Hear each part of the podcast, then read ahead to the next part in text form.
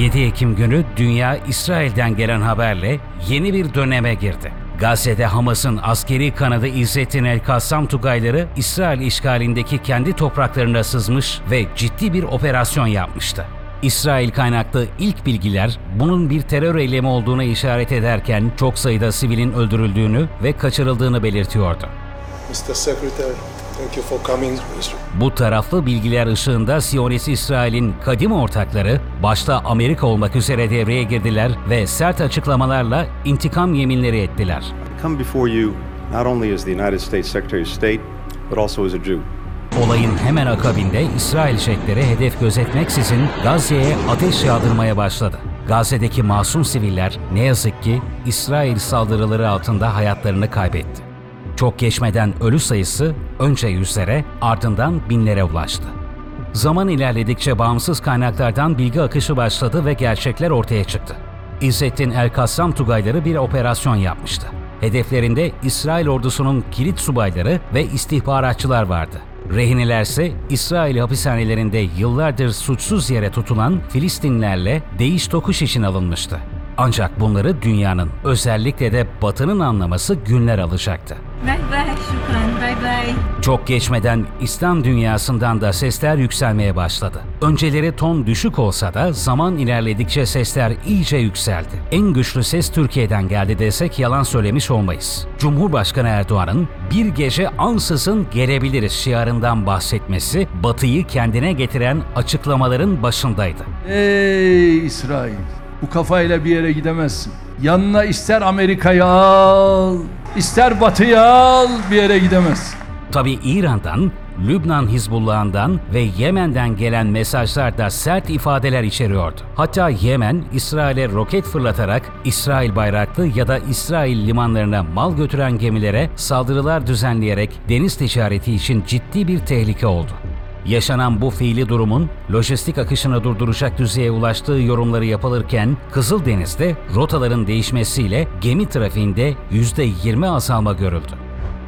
Dünya bir kez daha Arap Yarımadası'nın güneybatı ucundaki bu küçük ve fakir ülkeye gözünü çevirdi. Bölge haritasına bakanlar Yemen'in son derece stratejik konumunu hemen fark edeceklerdir.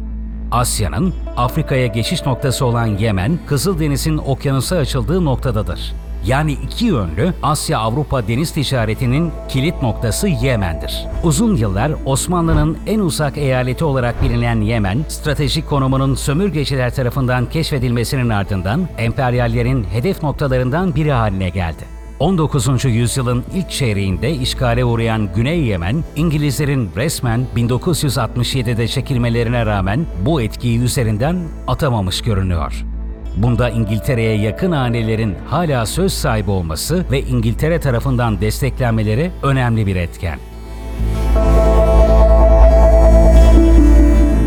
Osmanlı 1517 sonrası kendisine bağlanan Yemen'i bırakmamak için elinden geleni yapmış, 1918'de çekildiğinde bölgeyi savunmaya gönderdiği evlatlarının bir bölümü bölgede kalmayı seçmişti. Bu askerlerimizin torunları hala Yemen'de yaşamakta ve Türk adını gururla taşımakta. Çeşitli vesilelerle Türkiye'den bölgeye yapılan ziyaretlerde bu nedenle duygu dolu anlar yaşanıyor. Devletimiz de emanete sahip çıkmış ve isyan bölgelerine yakın olanlar da dahil tüm Türk kökenli Yemenlilerin yanında olmuş. Bu noktada küçük bir ayrıntıyı paylaşmadan geçmek olmayacak. Yemen'in kuzeyinde Husi bölgeleri civarındaki Türk köylerinin hemen yanında Kürt köylerinin mevcut oluşu bizce çok ilginç bir ayrıntı. Selahattin Eyyubi tarafından bizzat bu bölgelere Kuzey Irak'tan gönderilen Kürtler yüzyıllardır bu bölgelerde yaşıyor. Ve yine ilginçtir, Türk köyleriyle yan yana. Kız alıp veriyorlar, akrabalık ilişkileri geliştiriyorlar. Osmanlı'dan sonra 1962 devrimine kadar imamlık denilen bir kraliyet modeliyle yönetilen Kuzey Yemen sürekli bir denge politikası izlemiş, İngiliz emperyalizmini kırma adına girişimlerde bulunmuş ancak pek başarılı olamamıştı.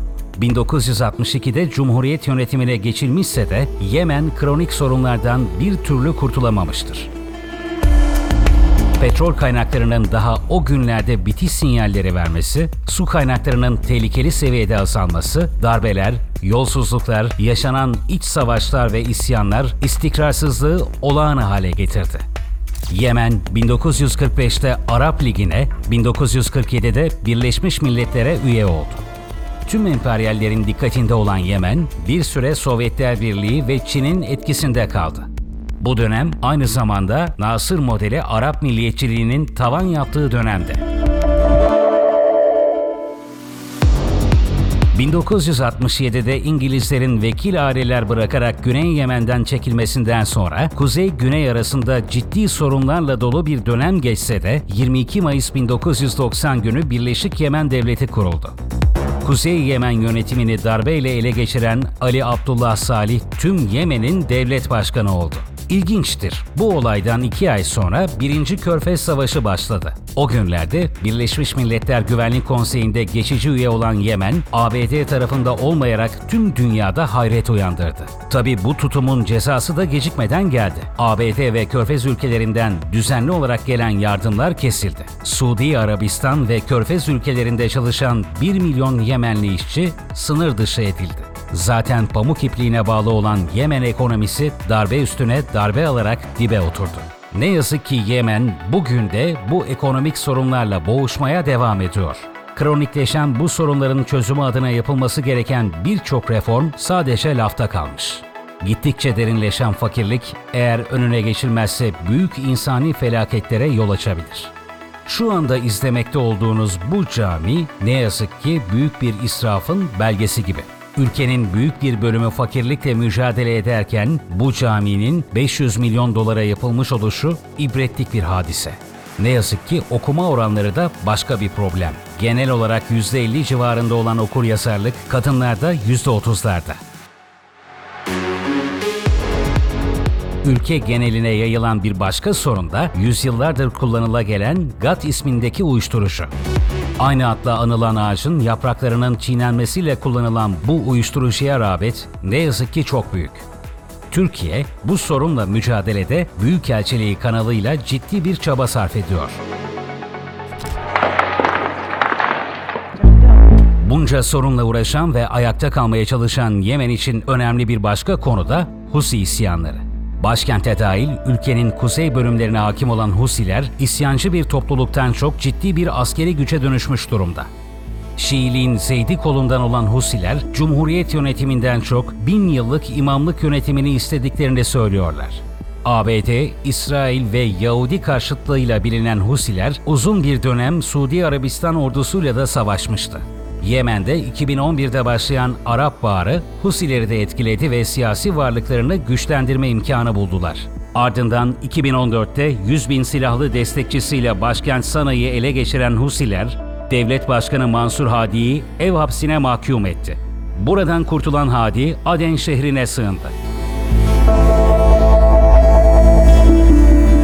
Gittikçe artan bir sempatizan kitlesine sahip olan Husiler, İran'dan destek aldıklarını kabul etmeseler de tarafsız uzmanlar bu konuya kesin gözüyle bakmaktalar. Özellikle 2015'ten bu yana Suudi Arabistan'la yaşadıkları savaş zaman zaman şiddetini arttırmakta.